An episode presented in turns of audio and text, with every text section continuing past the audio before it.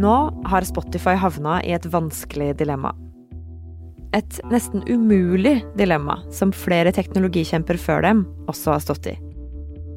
La folk si hva de vil, eller bestemme hva som kan bli sagt. For når en verdenskjent artist går løs på Spotify sin største podkastvert, da kan de ikke velge begge deler. Du hører på Forklart fra Aftenposten. Jeg heter Anne Lindholm, og i dag er det onsdag 2. februar. Yeah, so we started off this conversation talking about aliens because it's Because uh, they're everywhere. they're everywhere. This is Travis Walton. This is the guy who's got one of the more Kulturjournalist Morten Schwenke, hvem er uh, was Joe Rogan? Han er en uh, amerikaner i 50-årene.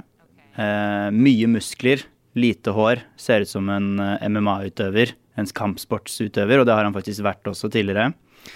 Ble kjent som komiker eh, og kommentator innen MMA før han startet sin egen podkast Joe Rogan Experience. Og en Joe Rogan Experience, det er eh, experiencen av å bli intervjuet i lange drag, time etter time, om temaer som han er interessert i. Han inviterer eh, folk som han er nysgjerrig på, og som kan eh, mye om et tema, typisk. Og så får de snakke helt ut. Filmer han det, legger det ut. Og flere timer lange intervjuer. Det ser jo ut til å være en suksessoppskrift for Joe Rogan, for han er blitt svær. Han er uh, gigantisk i eh, hele verden, faktisk. Altså 11 millioner lyttere. Eh, godt over Norges befolkning. Og, og i USA, i den amerikanske offentligheten, så er han en stor stjerne. En toneangivende fyr. Hva er det som gjør han så populær? Det er et godt spørsmål. Det er nok en kombinasjon av mange ting. Han er en veldig muntlig, eh, direkte og morsom mann. Som eh, snakker rett fra levra, i hvert fall tenker han på det selv sånn. Stiller de spørs spørsmålene han eh, som, kommer, som dukker opp i hodet hans. Og, og er direkte. Og har hatt, eh, tror jeg, en rolle, har fylt et tomrom i den eh, intellektuelle offentligheten i, i USA og også i, i resten av verden, der man kan dykke dypere inn i temaer som eh, folk er interessert i.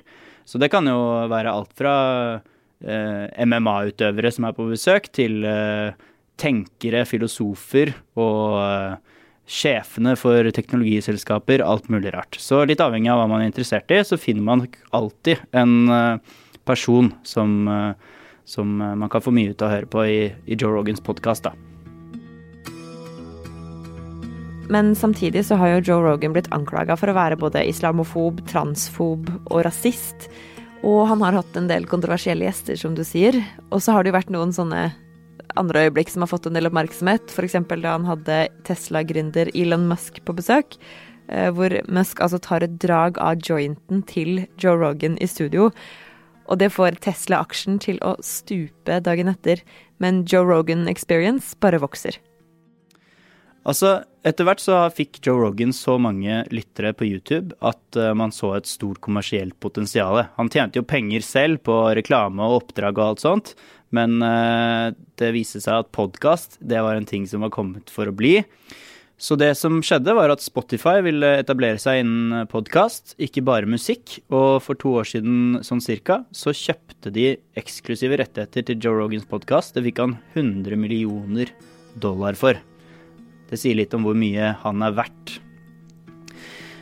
Etter hvert så har jo Joe Rogan eh, blitt kjent for å bringe også kontroversielle stemmer på banen. Og det fikk nå nettopp eh, vi kjenner på etterspillet av. Ja, for hva er det som skjer da? Nei, det er etter hvert sånn at eh, Joe Rogan han har ikke vært snau på å invitere de han er nysgjerrig på å høre, uansett hvor kontroversielle de er. Og eh, nå underveis i pandemien så har han invitert eh, to eh, forskjellige skeptikere. Folk som er skeptiske til pandemihåndteringen i USA, og som er skeptiske til vaksinen. Og de sa f.eks. at pandemien den var planlagt. At sykehusene hadde et insentiv til å registrere flere dødsfall enn det som egentlig var riktig. De sammenlignet befolkningens oppslutning rundt tiltakene med hypnose. Og dette var det jo fagfolk som reagerte ganske sterkt på. Det kom et stort brev. 270 fagpersoner innen medisin sendte dette til Spotify før jul i fjor og krevde at de tok grep for å hindre at feilinformasjon kom på banen. Mm, det var jo før jul i fjor, eh, men det skjedde jo ikke. Spotify gjorde ingenting med det. Men så fikk Neil Young høre om det. Ja, og han reagerte sterkt. Han uh, er jo en artist som er kjent, å, kjent for å høre til på venstresiden i, i politikken. Han uh, var dypt opprørt over at uh, Joe Rogan hadde latt dette Eh, disse budskapene spre seg til hans 11 millioner lyttere. Så det han sa, var at han sendte et eh, brev til managementet sitt og sa det er enten Joe Rogan eller meg. Enten fjerne Spotify hans podkast, eller så må de fjerne min musikk. Ja, Så han stilte Spotify et ultimatum, rett og slett? Han stilte et ultimatum. Og eh, Neil Young har mange lyttere, mange millioner i måneden. Og det er ganske mye makt bak det. Det er jo dette Spotify tjener penger på. Så hva, hva, gjør de, da? Hva gjør Spotify? Nei, etter hvert kom avgjørelsen. Spotify eh, sier vi kan ikke gå med på kravet. Neil Young sin musikk er nå fjernet. Og det er også Joni Mitchell sin musikk. Og hun fulgte etter Neil Young og sa jeg slenger meg på dette kravet. Men det ble ikke slutten på bråket for Spotify. Spotify has been pressured to do something about it. Because Spotify is spreading fake information about vaccines. Professionals called on Spotify to at least issue warnings to the show's listeners about misinformation. Og nå handler debatten om hvem som skal ha makt til å bestemme over grensene til ytringsfriheten.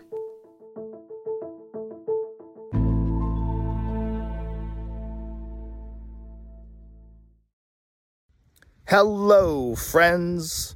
I wanted to make a video to address some of the controversy that's been going on over the past few days. And first of all, to say thank you to everyone that Denne uka Morten, så la Joe Rogan ut en ti minutter lang video med sånn selfie-kamera i sola, hvor han snakker om veldig mye av disse tingene her. Have been accused of dangerous misinformation. I do not know if they're right. I don't know because I'm not a doctor, I'm not a scientist. I'm just a person who sits down and talks to people and has conversations with them. Do I get things wrong? Absolutely, I get things wrong, but I try to correct them. Whenever I get something wrong, I try to correct it because I'm interested in telling the truth. I'm interested in finding out what the truth Han sier han er veldig lei seg for at Neil Young og Johnny Mitchell opplever eh, hans podkast som de gjør, og sier at han er Neil Young-fan sjøl. Uh, so no uh, no hard feelings towards Neil Young, and definitely no hard feelings towards Joni Mitchell. I love her too. I love her music. Og Spotify gjorde jo ikke som Neil Young ville i det tilfellet her, eh, Morten. Hvorfor ikke? Nei, altså dette ble jo en vrien nøtt for eh, Spotify. De uh, har jo en stor avtale som de har betalt for med Joe Rogan, og Joe Rogan er jo deres største stjerne innen et felt som de er i ferd med å etablere seg på. Det var klart at fra et sånn strategisk standpunkt så kunne det være en slippery slope, rett og slett, å si ja til det kravet. Da kunne jo hvilken som helst artist med et politisk standpunkt si dere fjerner den jeg er uenig med Ellers så eh, kan ikke jeg være her. Se for deg f.eks. Eh, Kanye West, da, en av de mest streamede, og som har ganske mange rare meninger. Det kunne fort blitt en presedens eh, som ble vanskelig for dem i fremtiden. Men det er jo andre store selskaper som har stått i problemer som ligner på det Spotify har hatt. Hva er det Spotify har valgt å gjøre nå? Det de har gjort, er å kopiere en strategi som Twitter og Facebook har brukt mye. Og det er å lage et varsel når uh, hver eneste gang en podkast omtaler koronaviruset, så skal det komme opp et varsel med en link til en nettside der Spotify har samlet kunnskap om koronaviruset. Så det de egentlig gjør, er å gjøre lytterne oppmerksom på at dette er et kontroversielt tema, og at det går an å finne faktainformasjon som Spotify går god for på en nettside de har. Men Spotify er jo et lydmedium. Vet vi om det varselet her kommer liksom som en pop-up, eller om det er lyd i podkasten, eller hvordan skal det fungere i praksis? De har ikke beskrevet akkurat hvordan de skal gjøre det, det skal de teste ut nå. Men eh, det kan enten komme opp uh, som et uh, tegn eller en boks i appen, eller så kan det komme opp et pling i, som en reklame på podkasten, rett og slett, som leder deg riktig vei. Spotify er jo ikke de første som har fått kritikk for å spre farlig feilinformasjon. Store selskaper før dem, som Google, Twitter og særlig Facebook, har vært gjennom denne stormen mange ganger. Hvordan har det grepet med merking fungert for andre selskaper? Det vet vi ganske lite om. Det er jo sånn at det meste av kunnskapen om hvordan disse tingene fungerer, disse grepene som sosiale medier kan gjøre, den sitter jo hos uh, selskapene selv. Det gjøres en del forskning på det. De ekspertene vi har snakket med, er usikre på effekten det har. Det kan også være at uh, når folk ser et sånt advarsel, at de føler at uh, dette er en form for kontroll, eller noe som begrenser ytringsfriheten. Noe som Hvis de allerede er skeptiske f.eks.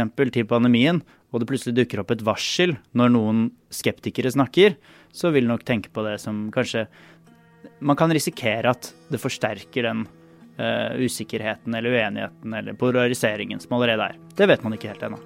Mm. Så hva sier ekspertene om hvordan det her kan gå da for Spotify? Nei, uh, for det første så er jo dette et uh, potensielt veldig kostbart grep. Et grep som forplikter i det lange løp. Fordi nå kan jo nå har vi et eksempel på problematisk innhold eller kontroversielt innhold som er blitt pekt på, og hvor de har tatt grep.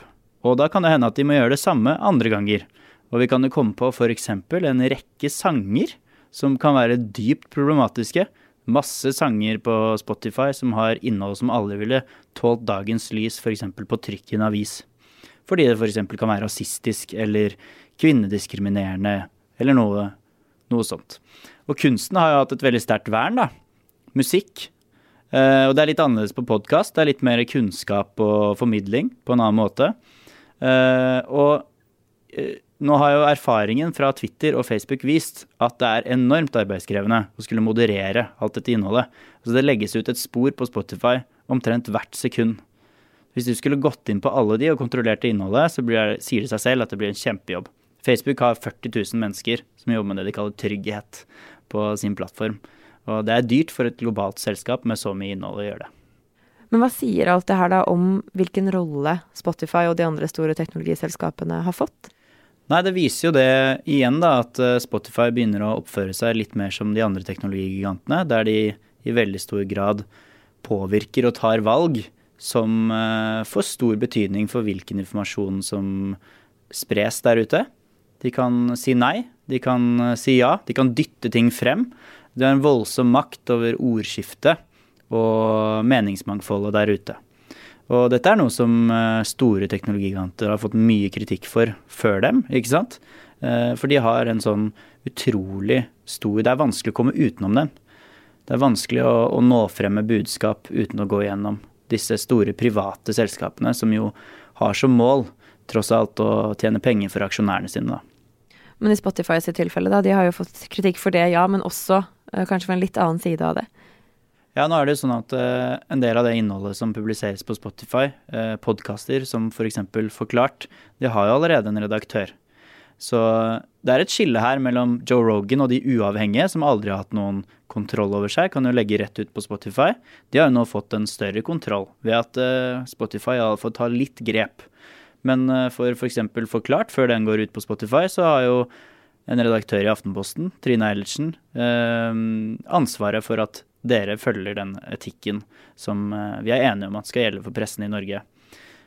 Så det Norsk redaktørforening sier, da, er jo at nå får man egentlig en dobbel redaktør. Det er de veldig skeptiske til. At når først en redaktør har sagt ja, dette er innafor, så skal Spotify kunne komme potensielt da, etterpå og si nei, dette er ikke innafor. Og det får jo eh, det får konsekvenser for, eh, for hvilke meninger som, eh, som, er lov å si og ikke. Hvilket innhold som er lov å publisere eller ikke. Og det mener Norsk redaktørforening at ikke bør være et stort teknologiselskap som, som bestemmer over. Så er det selvfølgelig sånn at de må følge lovene i de landene de er. Det er f.eks. ikke lov å publisere en drapstrussel på Spotify. Den må de ta bort. Men nå går de altså lenger enn de rammene de rent juridisk er nødt til å forholde seg til. da.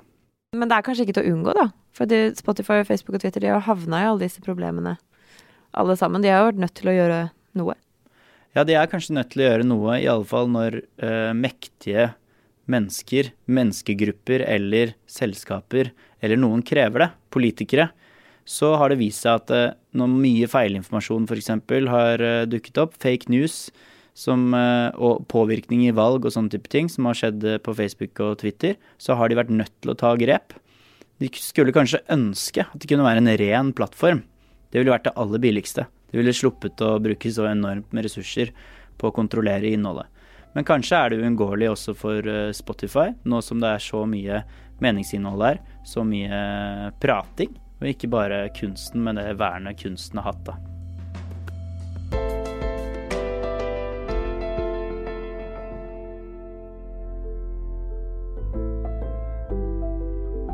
Du har hørt Morten Schwenke snakke om bråket mellom Joe Rogan, Spotify og Neil Young. Det er Fride Nesten Onsdag, Jenny Førland og jeg, Anne Lindholm, som har laga denne episoden. Resten av Forklart er David Vekoni, Marte Spurkland, Synne Søhol og Anders Weberg. Du hørte lyd fra CNN, CBS, MSNBC og Joe Rogan.